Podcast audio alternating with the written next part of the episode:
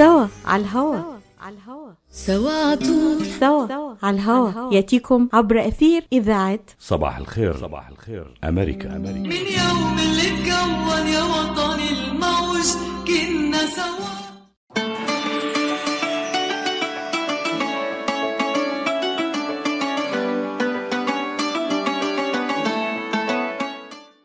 مرحبا بكم مشاهدينا ومتابعينا الأعزاء في كل مكان. أنتم معنا في هذه الحلقة المميزة وبرنامجكم المتميز في رحاب شهر رمضان الكريم. وفي ضيافتنا وضيافتكم في هذه الأيام الفضيلة الدكتور شادي ضاضة. رئيس فرع الجامعة الإسلامية بمدينة ديترويت بولاية ميشيغان الأمريكية وعضو الهيئة الإسلامية العالمية للعلماء المسلمين وأحد أعلام الجالية العربية الأمريكية هنا. يسعدنا ويشرفنا أن يكون معنا في هذه الإطلالة الخاصة في بركات الشهر الكريم. دكتور شادي أهلا وسهلا بك حياكم الله أستاذ سامح. يا أهلا وسهلا. مرحبا بكم. رمضانكم مبارك وتقبل الله طاعتكم إن شاء الله. وغفر الله لنا ولكم حياكم الله. أنت والإخوة المستمعون جميعا والمشاهدون. شكرا دكتور. طبعا دكتور عندنا في شهر رمضان الكريم والعشر الأواخر من شهر رمضان ربما هي يعني آه، ال- المطاف الأخير في هذا الشهر الكريم حيث السباق على أشده والرغبة في أن نستفيد ونفيد لعلنا نظفر برحمة الكريم في هذا الشهر. شهر رمضان في عشره الأواخر هذه الأيام المباركة لها ما لها؟ وما يميزها وما يمكن أن يفيد المستمعين والمتابعين من خلال يعني زيادة العبادات والعمل على تعظيمها حتى نحصل على الثواب الأكبر. ولكن في وجهة نظر دكتور شادي ما هو المميز في العشر الأواخر من رمضان غير ما يمكن أن يعلمه الناس؟ وكيف يمكن خصوصا لأولادنا في الأسر المسلمة أن يستفيدوا منها؟ سؤال جميل جدا ونقطة مهمة لابد من إظهارها والتركيز عليها وخصوصا كما ذكرت لأولادنا وأولاد الجالية الإسلامية هنا في المغترب وفي أمريكا آه، أن يعلموا أهمية هذه الأيام وخصوصيتها وما لها عند الله من شأن عظيم. النبي عليه الصلاة والسلام كان إذا دخل العشر الأخير من رمضان قضى مضجعه وهيأ نفسه وقال لزوجته آه، مضى عهد النوم يا خديجة. آه، وكأنه موسم آه، يريد النبي أن يستثمره بالجد والنشاط والاجتهاد في طاعة الله. ونستطيع أن نقول أن في العشر الأخير من رمضان تتركز زبدة الزبدة في الطاعة. وهذه الأيام المباركات لها خصوصية منهم من فسر قول الله تبارك وتعالى والفجر وليال عشر قالوا هذه أيام العشر الأخيرة من رمضان وبعضهم ذهب أنها أيام العشر الأوائل من ذي الحجة. على اختلاف التأويلات والتفسيرات إلا أن الإنسان المؤمن يشعر أن هناك خصوصية لهذه العشر. خصوصية أن الإنسان يقترب من الله تبارك وتعالى ويريد أن يتأكد أن الله قد أعتق رقبته من النار. وكأنه من نوع الإلحاح والإصرار وحسن الظن بالله وأن يلح العبد على ربه أن يكتب اسمه في لوائح العتقاء من شهر رمضان. النبي عليه الصلاة والسلام عندما صعد المنبر قال آمين ثم صعد خطوة قال آمين ثم صعد خطوة قال آمين. فقال الصحابة ما فهمنا على ما يؤمن النبي عليه الصلاة والسلام. فلما انتهت الخطبة وانتهت الصلاة قالوا يا رسول الله قلت آمين على ما؟ قال جاءني جبريل فقال رغم أنف عبد أدرك رمضان فلم يغفر له إن لم يغفر له فمتى الآن ربما يعني آه، يلتهي الإنسان في بداية رمضان تأخذه الدنيا لكن هذه العشر الأواخر أن يركز عليها أن يفرغ نفسه أن يصبر نفسه على أنه يريد أن ينجز هذه المرحلة المهمة جدا. أخي سامح والإخوة المستمعون جميعا والمشاهدون الكرام ال- الدنيا هذه مرحلة مؤقتة. لما نفهمها بشكلها الصحيح بصير عندنا ترتيب صحيح لأولوياتنا في الحياة الأشياء التي نريد أن نفعلها. لماذا نحن موجودون على وجه هذه الأرض؟ ما الذي يريده الله منا؟ لما الإنسان يسأل نفسه هذه الأسئلة ويكون عنده الأجوبة الصحيحة لهذه الأسئلة الآن يعرف تماما ما الذي يجب عليه أن يفعله. بداية الإنسان وجد رقم واحد من أجل أن يعبد الله. والدليل؟ الدليل قول الله تبارك وتعالى وما خلقت الجن والإنس إلا ليعبدون. هذه المهمة رقم واحد في حياتنا. عفوا دكتور يعني قد يسأل سائل وهو عنوان اعتراضي يعني. آه وما خلقت الجن والإنس إلا ليعبدون. عندما قال الله تعالى هذه الآية الكريمة فلماذا لم يخلق كل الناس مؤمنين؟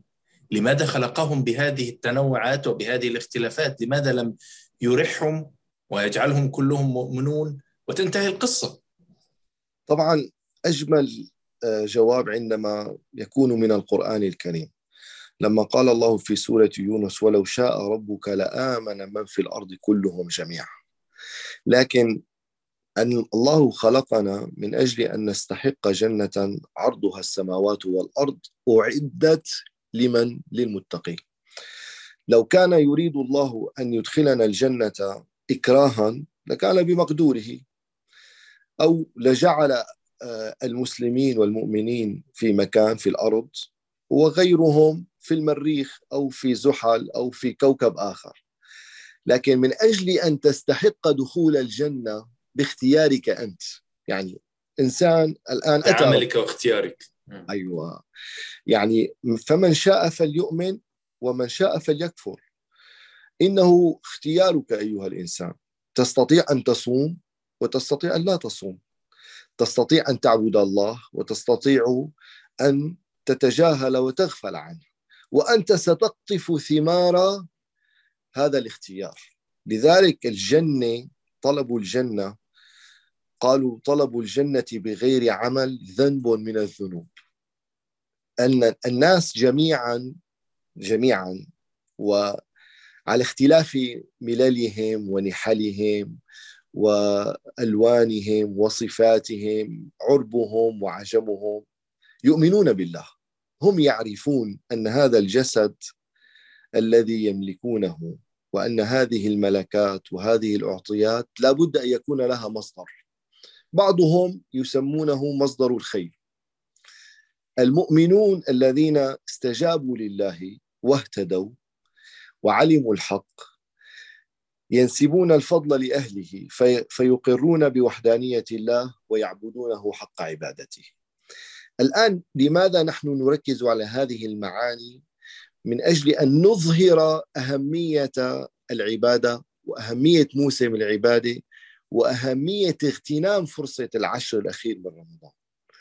يعني أنا لا أريد لإنسان أنه يعبد الله لأنه رأى أمه وأباه يعبدون ويفعلون، لا لابد أن يتثقف الإنسان ويتزود بالمعاني الصحيحة التي تحمله على أن يفعل الشيء الصحيح الذي يرضي عقله ويرضي قلبه. أخي سامح أقول لك أن الإنسان من دون إيمان بالله لا معنى لحياته. لا معنى لحياته. من دون أن يهتدي لوجود الله لا معنى لحياته. من دون أن يتصل به لا معنى لحياته. من دون أن يحقق ذاته من خلال الاتصال بخالقه. هذا الذي نريد أن نركز عليه. لماذا أنا أريد المسلم أن يهتم بالعشر الأخير من رمضان وأن لا يفوتها؟ لأنها أوقات فيها نفحات الله. يعني حتى أضل الضالين جاءتني امرأة قالت لي أنا عندي عمل لا يرضي الله لكن في رمضان أتوقف عن هذا العمل. هل يقبلني الله؟ قلت لها نعم. أكيد يقبلك الله. وما جعل الله مواسم الطاعات ومواسم العبادات وهذه النفحات إلا من أجل أن يحمل هؤلاء الذين غفلوا عن الله طول عمرهم أو في أوقاتهم أو طول سنة سنة كاملة حتى يعيدهم إلى طريق الحق وإلى طريق الصواب. دكتور عندي عندي سؤال عفوا. يعني أنا أسأل طبعا من من خلال المشاركات والتفاعلات التي تأتينا. السؤال يقول إذا كان يعني شهر رمضان طبقا لنص الحديث الشريف من صام رمضان ايمانا واحتسابا غفر له ما تقدم من ذنبه ومن قام رمضان ايمانا واحتسابا غفر له ما تقدم من ذنبه. فهل يعني ذلك أنه يمكن أن نكون على معيتنا وعلى علاتنا وعلى ما نقوم به من سلوكيات طوال العام؟ ثم نتوقف في رمضان ونعود ويبقى عندنا زي موسم سنوي نعمل clear up وخلاص و clearance يعني كيف يمكن أن تعلق على ذلك؟ آه، أخي سامح هذا ال ال الهاتف الذي نحمله ممكن يكون حقه 2000 أو 3000 دولار. من دون أن يوصل بمقبس كهربائي ويشحن لا يستطيع الإنسان أن يستخدمه. قطعة صحيح. بلاستيك قطع حديد. صح صحيح. ولا صح. ما الذي يجعله نافعا ويعمل؟ شحنه بالكهرباء. صحيح. صحيح. طبعا. رمضان هو شحنة السنة. رمضان كيف يظهر أن الله تقبل مني رمضان؟ بعد رمضان. سلوكي هل تغير سلوكي؟ هل تحسنت أفعالي؟ هل تحسنت آه، أخلاقي مع الناس هل هل تحسنت نظرتي للحياة؟ فالأمر ليس فقط أنه أنا في رمضان تفرغت لطاعة الله وللعبادة وأقلعت عن الذنوب والمعاصي ثم رجعت إلى ما كنت عليه رمضان ولا هاتها يا ساقي. الأمر ليس هذا. ولم يثبت أن هذا الشاعر قام بها فعلا. هو أنكر هو أنكر. يعني نعم. دكتور ارى في حديثك أنك تقول يعني سلوكي وتصرفاتي أنت تنسب الفعل لصاحبه على مردة أنه أنت صاحب القرار. الظرف مهيأ لك وأنت أنت تستطيع أن تأخذ رمضان إلى باقي العام إذا ما رغبت في ذلك. فيجب أن تقوم أنت بمجهودك ويجب أن تقوم أنت بما يجب عليك من يعني استمرار على الطاعات والبحث عنها وتحويلها إلى سلوك دائم وليس سلوك موسمي. فهمتك صحيح دكتور؟ صحيح. يعني إن هل أتى على الإنسان حين من الدهر لم يكن شيئا مذكورا؟ إنا خلقنا الإنسان من نطفة أمشاج نبتليه فجعلناه سميعا بصيرا. الشاهد الآن إنا هديناه السبيل إما شاكرا وإما كفورا. إما أنت أيها الإنسان تستجيب لدعوة الله ولدعوة الرسل ولدعوة القرآن وتغتنم مواسم الطاعات. من أجل أن تنجو في الدنيا تكون ناجحا في الدنيا.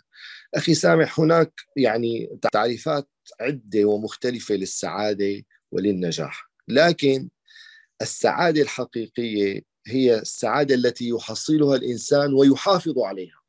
ما معنى أنني أنا اليوم ناجح وغدا آه ذهب هذا النجاح وتلاشى؟ هذا ليس نجاحا. السعادة تصبح لذة لذة آنية.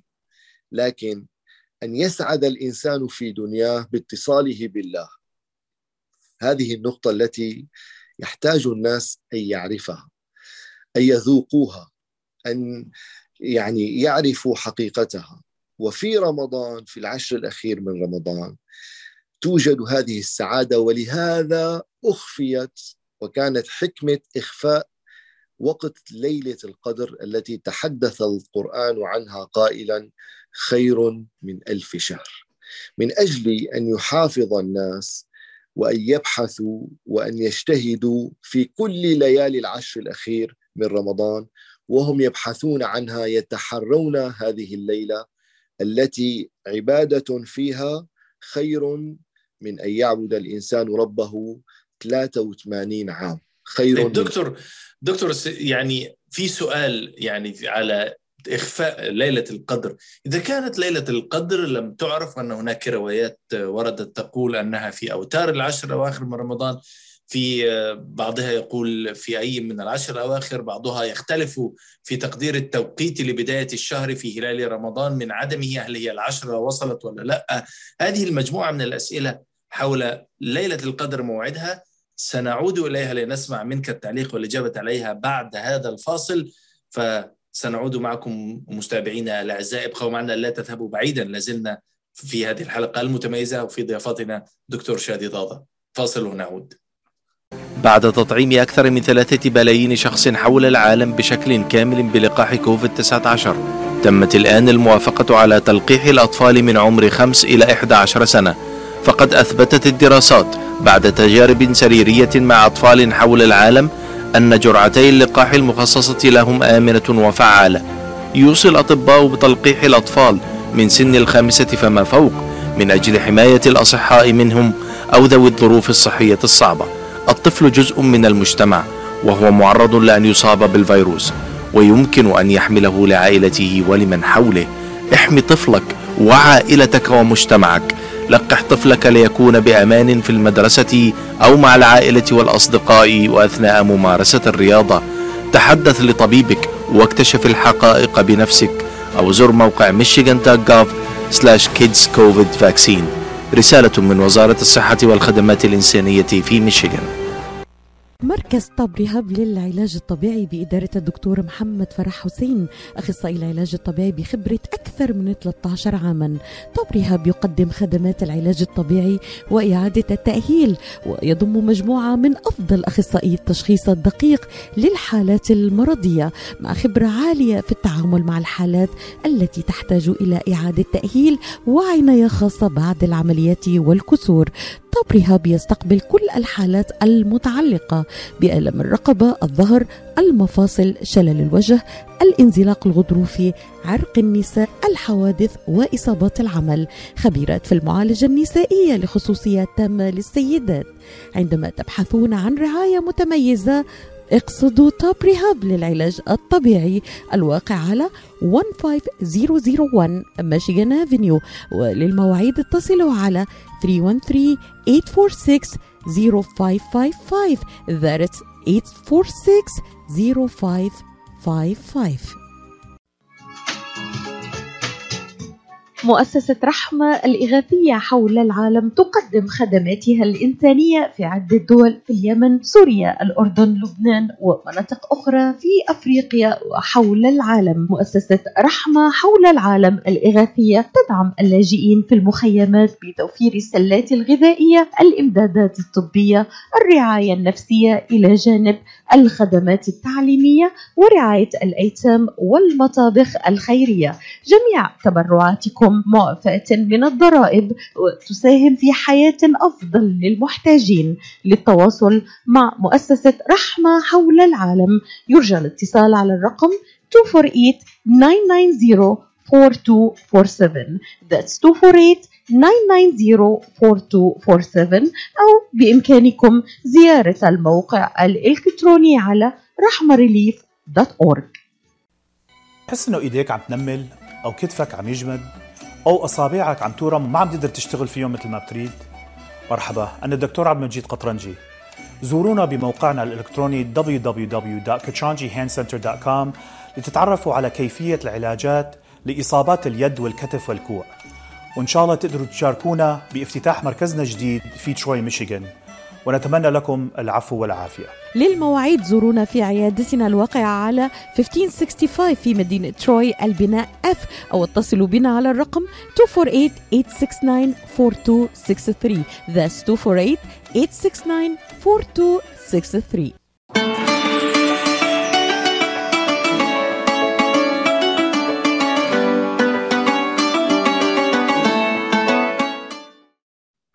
عودة مرة أخرى متابعينا الأعزاء وكان سؤالنا قبل الفاصل لماذا يحتفل المسلمون في كثير من الدول الإسلامية بليلة السابع والعشرين إذا كان هناك يعني لم يرد نص يحدد أنها ليلة القدر؟ وإذا ما اختلفت رؤية الهلال في دولة عن أخرى فكيف يمكن حساب بداية العشر الأواخر؟ فيعني هذه الأسئلة نتركها لك دكتور شادي تفضل بالإجابة والتعليق. حياكم الله. سامح بارك الله فيكم وبالإخوة المستمعين والمشاهدين جميعا.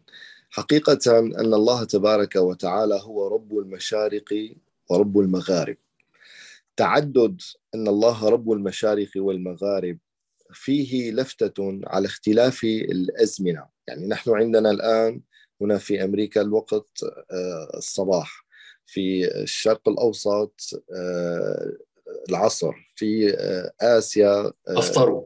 خلاص أفطروا في آسيا الله تبارك وتعالى محيط بالزمان والمكان وهو الذي يعلم تقادير الزمان والمكان.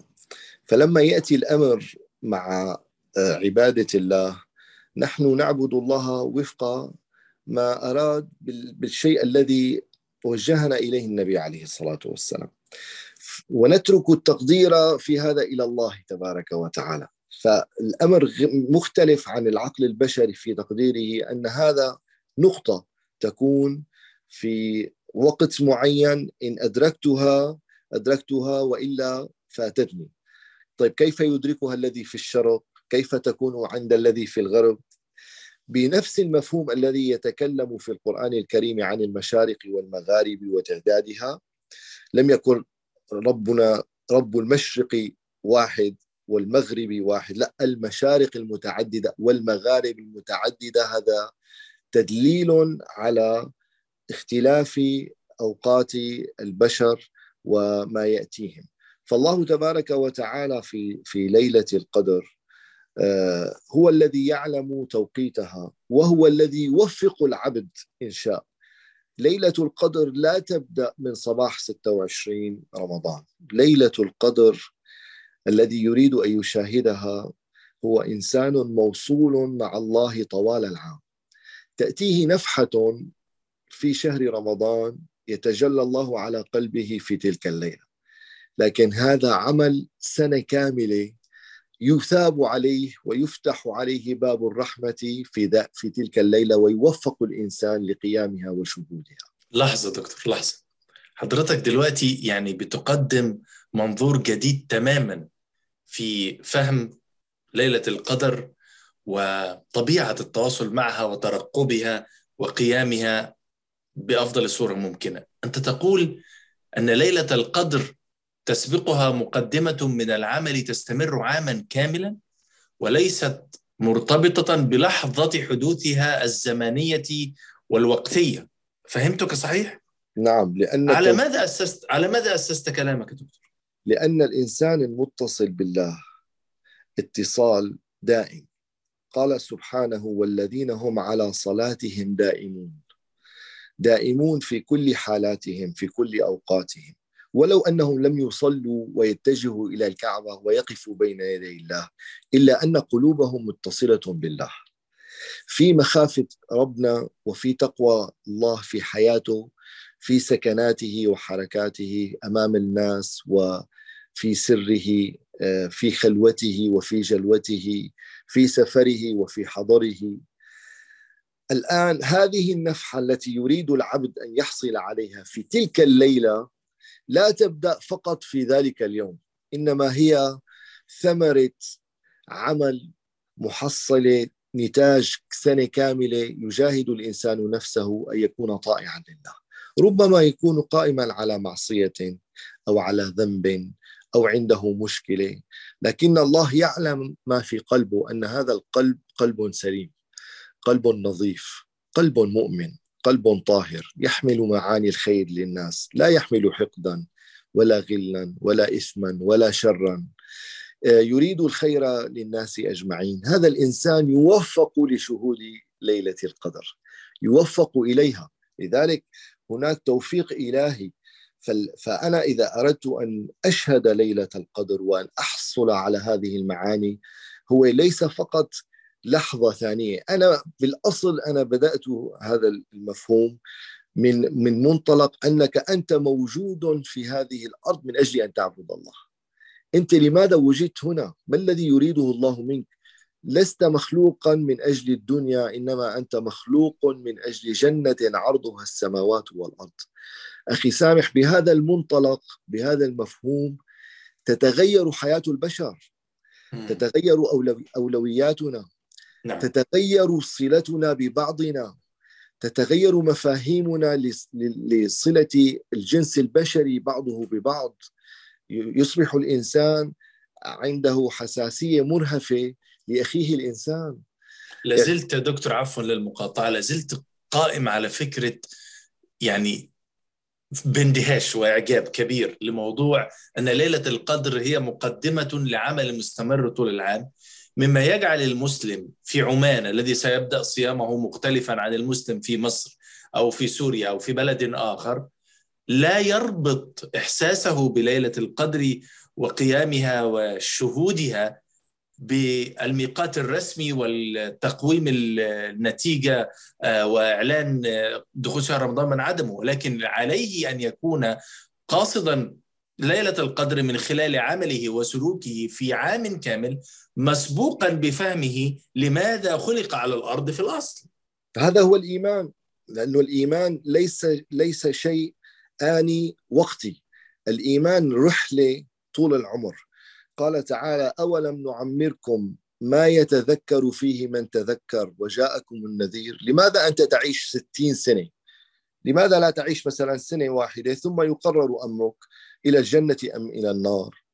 في إنسان بيعيش ستين في إنسان بيعيش 80 في إنسان صحيح. بيعيش 100 لماذا اختلاف الأعمار هذا؟ من أجل أن يوفى هذا الإنسان أن الله قد أبلغك رسالاته ونذاراته وأنت بموجب اختياراتك تستحق دخول جنه عرضها السماوات والأرض تستحق ذلك العطاء الغير متناهي. فموضوع الإيمان وموضوع الاختيار وموضوع التوفيق من الله لمواسم الطاعات كموسم العشر الأخير من رمضان كشهود ليلة القدر كصلة الأرحام كأن أن يهب الإنسان نفسه من أجل العطاء أن يهب الإنسان نفسه من أجل أن يكون في خدمة البشر أن يهب الإنسان نفسه وأن يكون على آه، أولى أولوياته أن صحيح. يكون في خدمة عباد الله. هذا مفهوم متكامل يبدأ مع اللحظات الأولى لولادة الإنسان وينتهي مع آخر نفس من عمره. وهذا المشوار الطويل الذي يعني يسعى فيه الإنسان سعيه في الدنيا. ما رأيك إذا هناك ما يعني من يقول أني قدري أنني شقي نصيبي أنني عاصي؟ ربنا كتب علي كده. هذه الكلمة ربنا كتب علي كده. ربنا يقدر الأقدار ربنا يقرر كل شيء ونحن في مشيئته سائرون. فما ذنبي؟ ما ذنبي؟ أنت آه، يعني كنا معا في في في المدرسة كلنا كنا طلاب في المدرسة وأنت أكيد رأيت في حياتك نموذج طالب راسب. هذا الطالب الراسب لما يأخذ النتيجة يضع الأعذار ويضع الحجج وأن الأساتذة قد آه، تحططوا عليه وأن الفحص قد ظلمه.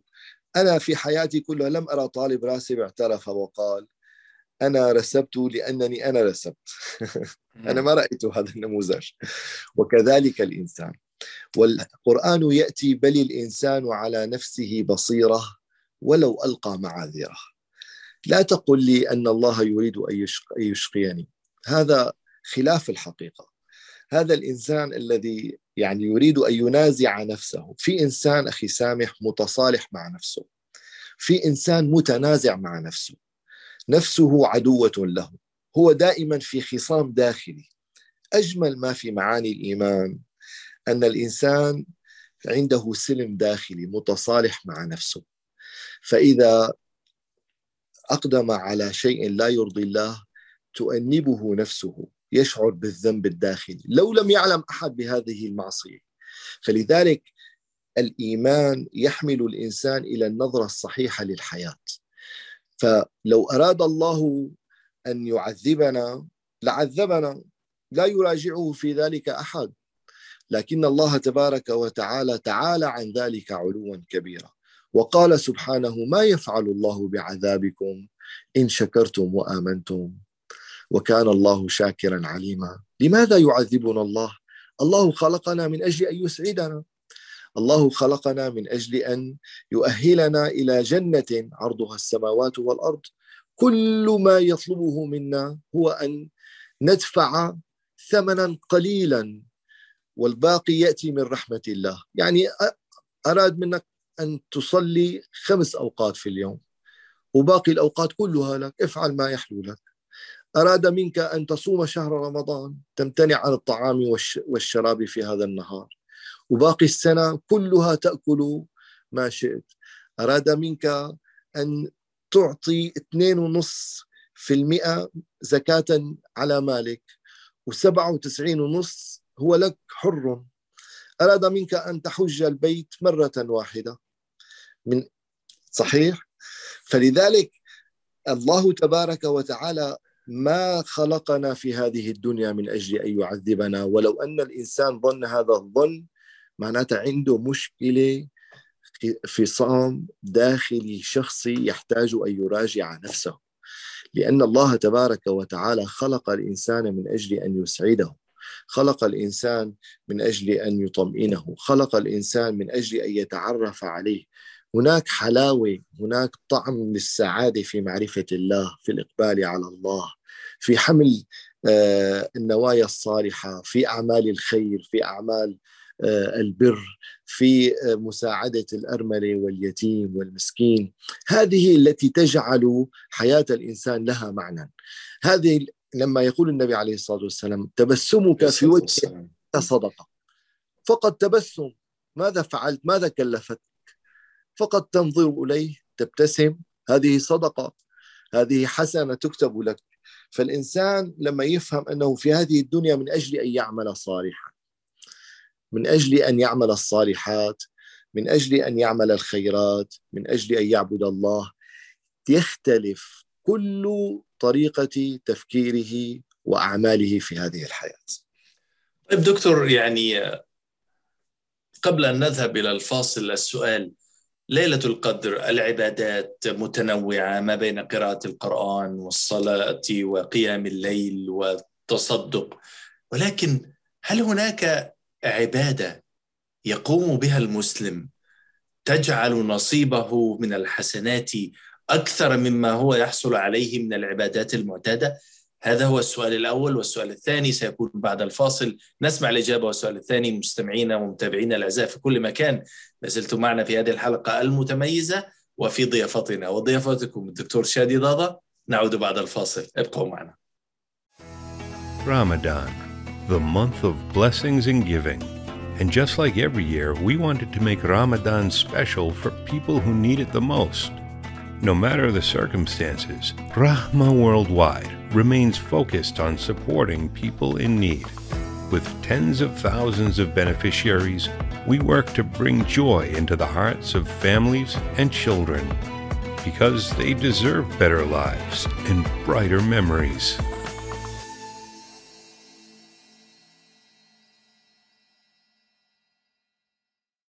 تخيل انك تقف على مسار قطار بعيد عنك لكنه يتجه اليك لا يمكنك رؤيته لكنه قادم إليك بالتأكيد.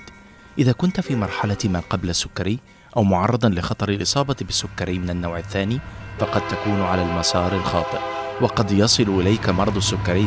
لا تقف على المسار الخاطئ بل غير طريقك وتجنبه. إذا كنت في مرحلة ما قبل السكري أو معرضا لخطر الإصابة بالسكري من النوع الثاني فقد تكون مؤهلا للبرنامج الوطني للوقاية من مرض السكري ضمن مجتمعك المحلي. سيمنحك البرنامج ولمدة عام كامل الدعم المستمر لتعود إلى المسار الصحيح. لم يفقد المشاركون الوزن فحسب بل قللوا من خطر إصابتهم بالسكري من النوع الثاني إلى النصف. هل أنت مستعد للانضمام إلى مستقبل أكثر صحة؟ اعرف المزيد عن البرنامج الوطني للوقاية من مرض السكري وإمكانية التعامل معه. قم بزيارة michigan.gov/diabetes رسالة من وزارة الصحة والخدمات الإنسانية. في ولاية الحسن شايفك على إلي ساعة عم بستناك. مشان نروح نتغدى بالشام. الشام إيه بالشام. ومو بالشام. شلون صارت هي؟ بدل ما نروح نتغدى بالشام إيه. جابوا لنا الأكلات الشامية الطيبة لعنا لهم. وشلون بقى؟ هذا مطعم دماس عم يعمل كل الأكلات الشامية الطيبة. هو وطيبة؟ طيبة كتير شرفوا نتغدى سوا بمطعم دمار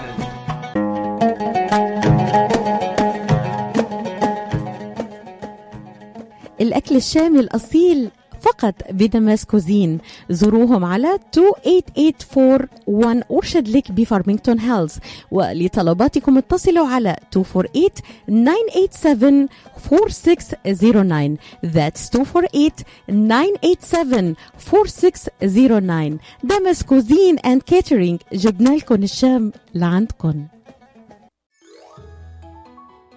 في المدينة الفاضلة يتبع جميع السائقين القواعد ويلتزمون بإشارات المرور. لن يحدث ما هو غير متوقع في هذا العالم المثالي. لن تضطر إلى ارتداء حزام الأمان لكن الحقيقة غير ذلك. في ميشيغان يموت كل عام أكثر من ألف شخص بسبب حوادث السيارات ويجرح آلاف آخرون. لذلك فإن ربط حزام الأمان يقلل خطر الوفاة أو الإصابة الخطيرة جراء الاصطدام بنسبة 45% إذا كنت تقود شاحنة صغيرة اربط حزام الأمان فهو يقلل الخطر على حياتك بنسبة 60% لأن احتمال انقلاب الشاحنة الصغيرة يزيد بمقدار الضعف عند وقوع الحادث. وهل تعلم أن ثلاثة من كل أربعة أشخاص توفوا جراء انقذافهم خارج سياراتهم عند وقوع حادث الاصطدام لذلك وإلى أن يصبح العالم مثاليا اجعل عالمنا هذا أكثر أمانا. اربط الحزام. رسالة من مكتب ميشيغان لتخطيط السلامة على الطرق السريعة.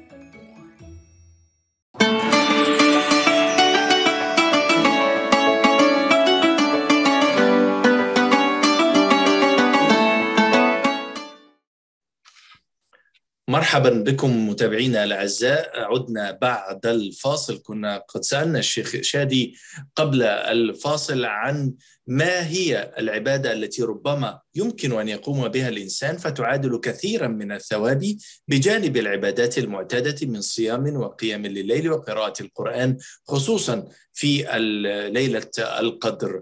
تفضل دكتور. حياكم الله سامح بارك الله فيكم. قول الله تبارك وتعالى في تبيان هذه الليلة إنا أنزلناه في ليلة القدر. كلمة التنزيل أن الله تبارك وتعالى أنزل شيئا يعرف الناس عنه وهو القرآن الكريم. صحيح؟ القرآن الكريم مهمته هو كلام الخالق. مهمته ماذا؟ أن يعرفك يعرفك عن من؟ عن الله. والله تبارك وتعالى وضع في هذا الكتاب آيات.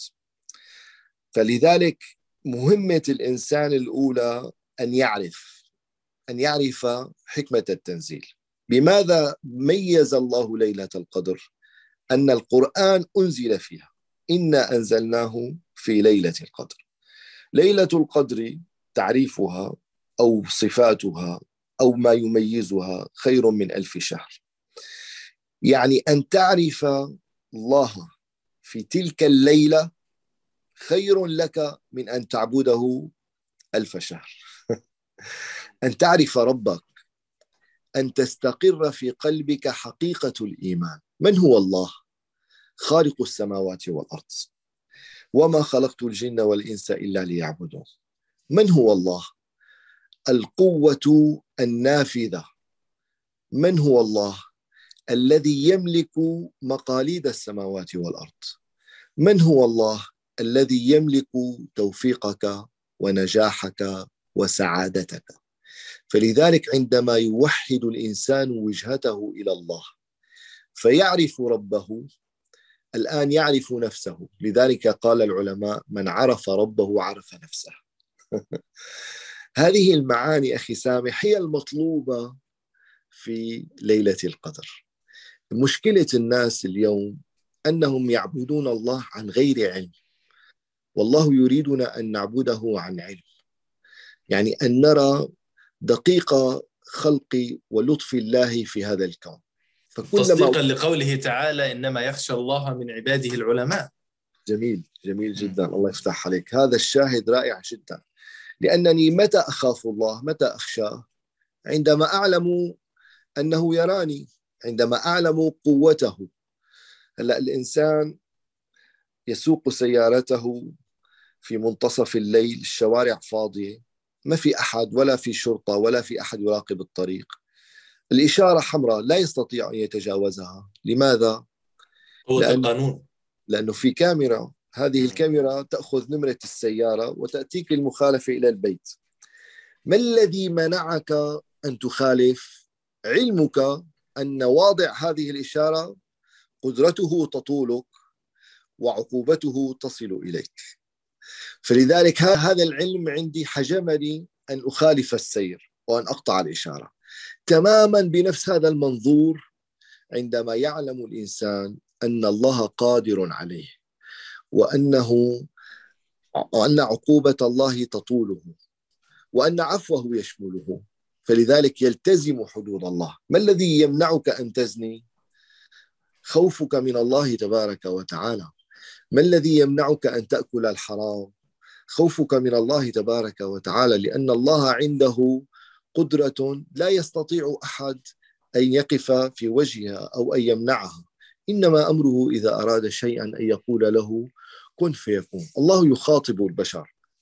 يخاطب الإنسان يقول له يا أيها الإنسان ما غرك بربك الكريم الذي خلقك فسواك فعدلك؟ في أي صورة ما شاء ركبك؟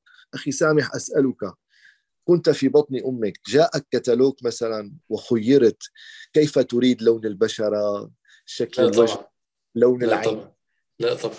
الله تبارك. وتعالى وهبنا هذا الخلق خلقك. فسواك فعدلك.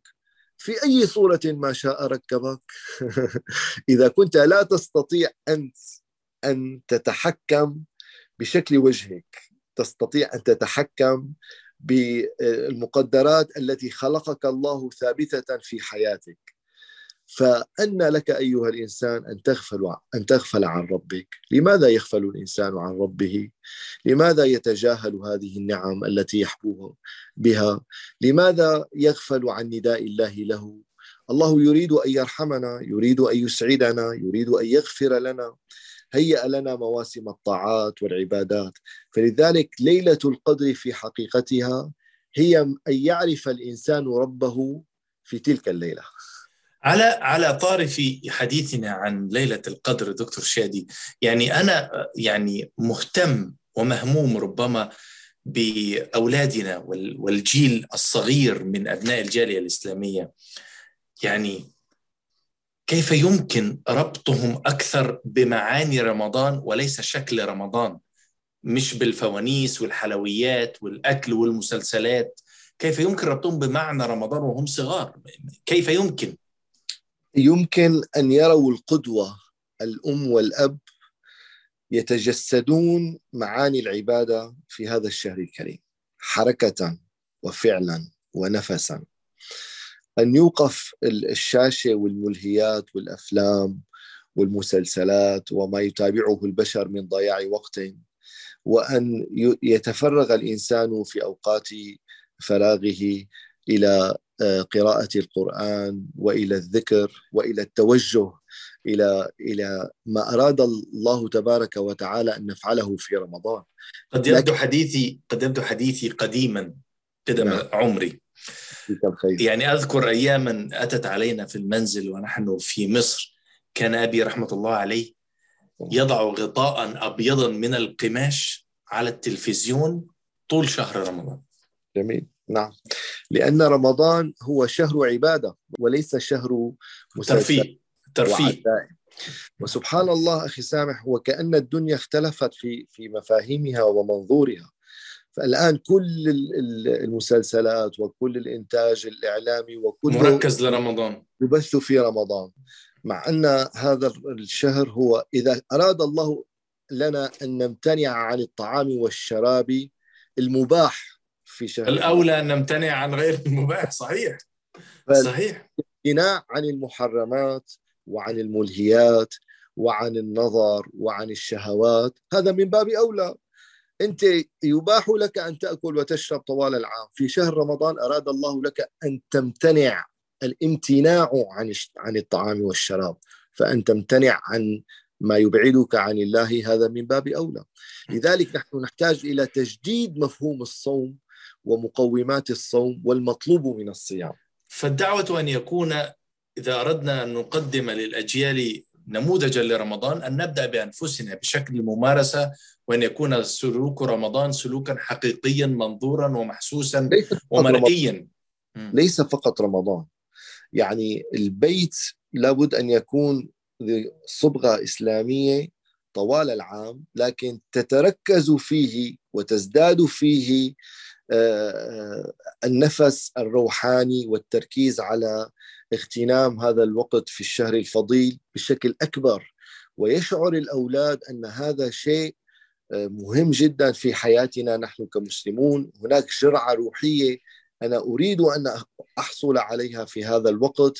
الأم والأب والعائلة والجيران والمسجد والأصدقاء كلهم آه، في فلك واحد يحومون ويتجهون هذا الاتجاه عندئذ نصون أولادنا ونزرع في نفوسهم هذه المعاني من أجل أن يحملوها وينقلوها إلى أولادهم في هذا في هذا البلد أيضا. طيب يقول قائل دكتور أن هذا الذي تقولون به وتدعون إليه يحتاج بيئة حاضنة تساعد على ذلك فهذا أمر يتوافر في دول إسلامية أو دول عربية ولكن ماذا عنا هنا في الولايات المتحدة الأمريكية؟ أنا لا أبالغ إذا قلت لك أخ سامح اسأل الآن من هم في بلاد الشرق الأوسط. أنت تستطيع أن تمارس أفضل طريقة في دينك في الولايات المتحدة الأمريكية الآن؟ لأنه أنت تبالغ دكتور. أنت تبالغ لسان حال من يرد عليك. لسان حال من يرد عليك. أنا, أنا أصدقك أنا أصدقك تماما لأني رأيت بذلك. لكن يعني لنوضح لمن يرد علينا كيف تكونون أنتم في الولايات المتحدة بلد غير مسلمة تقولون ذلك؟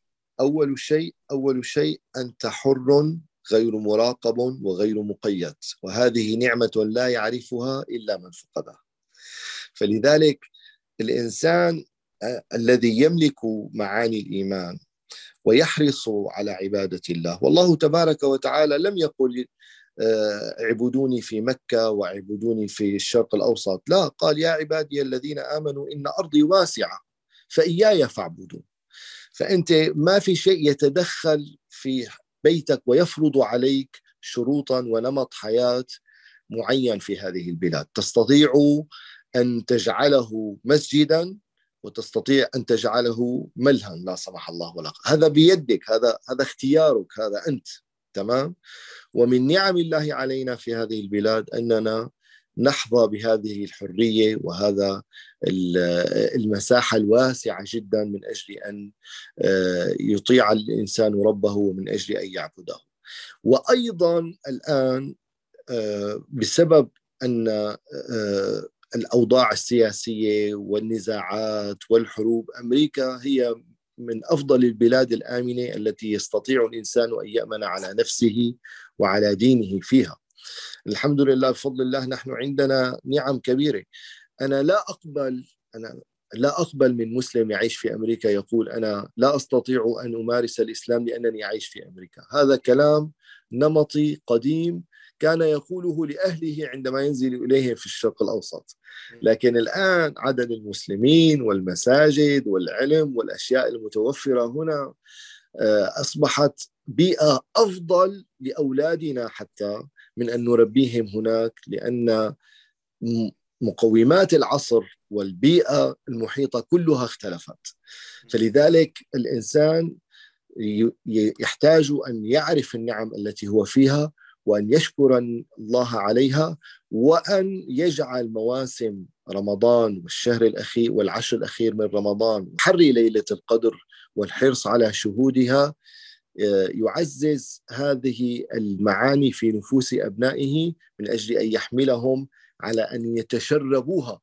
أما الأم والأب جعلوا شهر رمضان عزايم سوشيال ومسلسلات. بتجي بتقول لي والله الأبناء ما فهموا ليلة القدر ولا فهموا. طبعا هذه نتيجة طبيعية جدا. أما أنا عندما أنا أول شيء يراني أولادي أنا أصلي الفجر في المسجد أصلي التراويح مع الإمام أقرأ جزءا من القرآن الأم تقتطع من وقتها وقتا من أجل أن تعلم أبنائها جزءا من السيرة أو من أجل أن يحضروا درس دين. هذه الأجواء هي التي تحفظ ابنائنا وتحملهم على تعزيز قيمة رمضان والعشر الأخير منه في نفوسهم. والحمد لله مساجدنا في الجالية العربية والإسلامية هنا في ولاية ميشيغان نعم. عامرة زاهرة متنوعة بغض النظر عن المذهب الذي تقام فيه الشعائر في هذه المساجد كما نعم. أن الوصول إليها كما تفضلتم شيخ شادي يعني سهل وميسر ومتاح والحركة آمنة ومستقرة ونمارس فيها حرياتنا كمواطنين أمريكيين أو كمقيمين بشكل أقل ما يوصف به بأنه كامل. يبقى أن ننقل هذا النموذج من التطبيق الخارجي إلى المعايشة الداخلية في منازلنا ونقدم لأطفالنا هذه النماذج في شكل سلوكياتنا كمواطنين أمريكيين مسؤولون عن تقديم هذا الدين ثقافة وعلما وتصرفا إلى المجتمع الأكبر في المدرسة في العمل في الممارسات حتى يعود للإسلام والمسلمين ما هم يستحقون أن يكونوا فيه من تقدم للأمم وأن يقودوا هذه الأمم. وأرى أن في كثير كلامكم دكتور يعني دعوة لأن نغير من سلوكياتنا قبل أن نحاول أن نختصر شهر رمضان في ليلة القدر أو في البحث. بقيت لدينا دقيقة واحدة دكتور. أتمنى أن تقدم فيها رسالة أخيرة لمتابعينا الأعزاء. تفضل. رسالتي آه، أن الإنسان لا يضيع آه، وليحرص أن لا يفوته رمضان. أدرك رمضان قبل أن لا لا تدركه لأن رمضان فرصة عظيمة.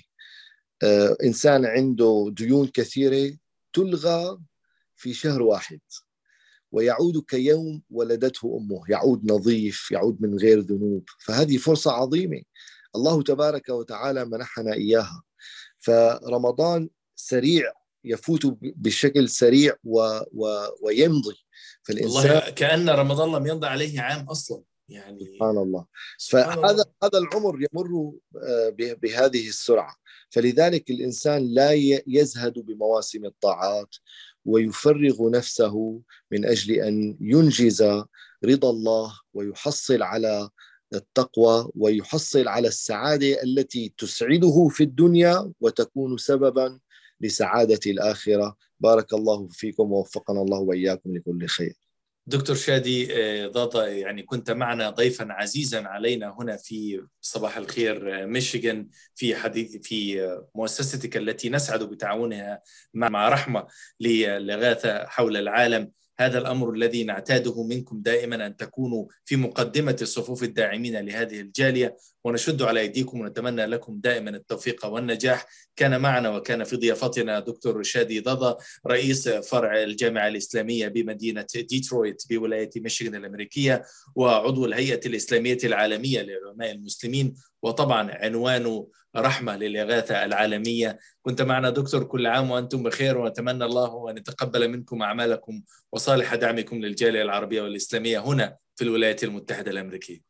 وأنتم بألف خير بارك الله فيك أخي سامح وجزاكم الله عنا كل خير كل عام الشكر الشكر موصول لكم متابعينا الأعزاء حتى نلتقي نترككم في حفظ الله ورعايته ونتمنى لكم صوما مقبولا وإفطارا شهيا وقياما وطاعة في الشهر الكريم نستودعكم الله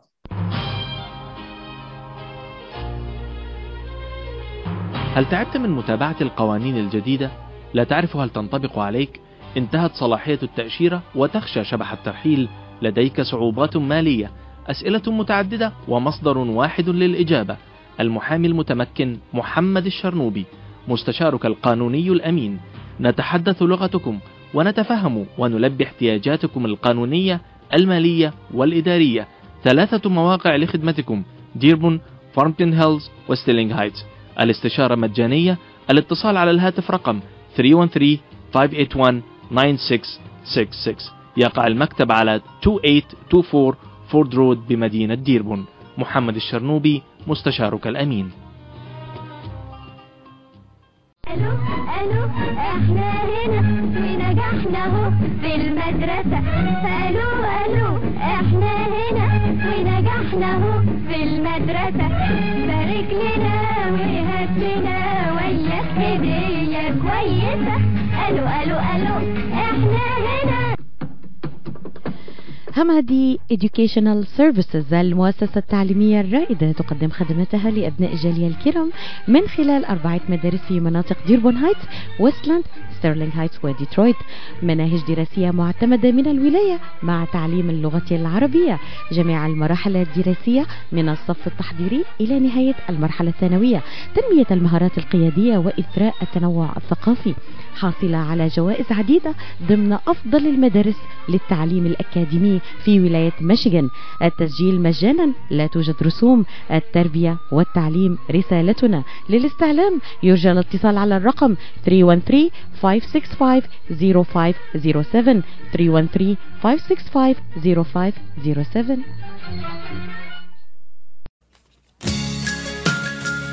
لتحضري عشاء طيب وسفرة ملكية. منقدم لك تشكيلة متنوعة وغنية. مربيات كبيس وحمص بطحيني الجودة عالية والمنتجات صحية. الشكل مثل الخيال والريحة شهية. لتطلع سفرتك لوحة فنية زياد لقمة هنية وطعمة أصلية. منتجات زياد من عائلتنا إلى عائلتكم.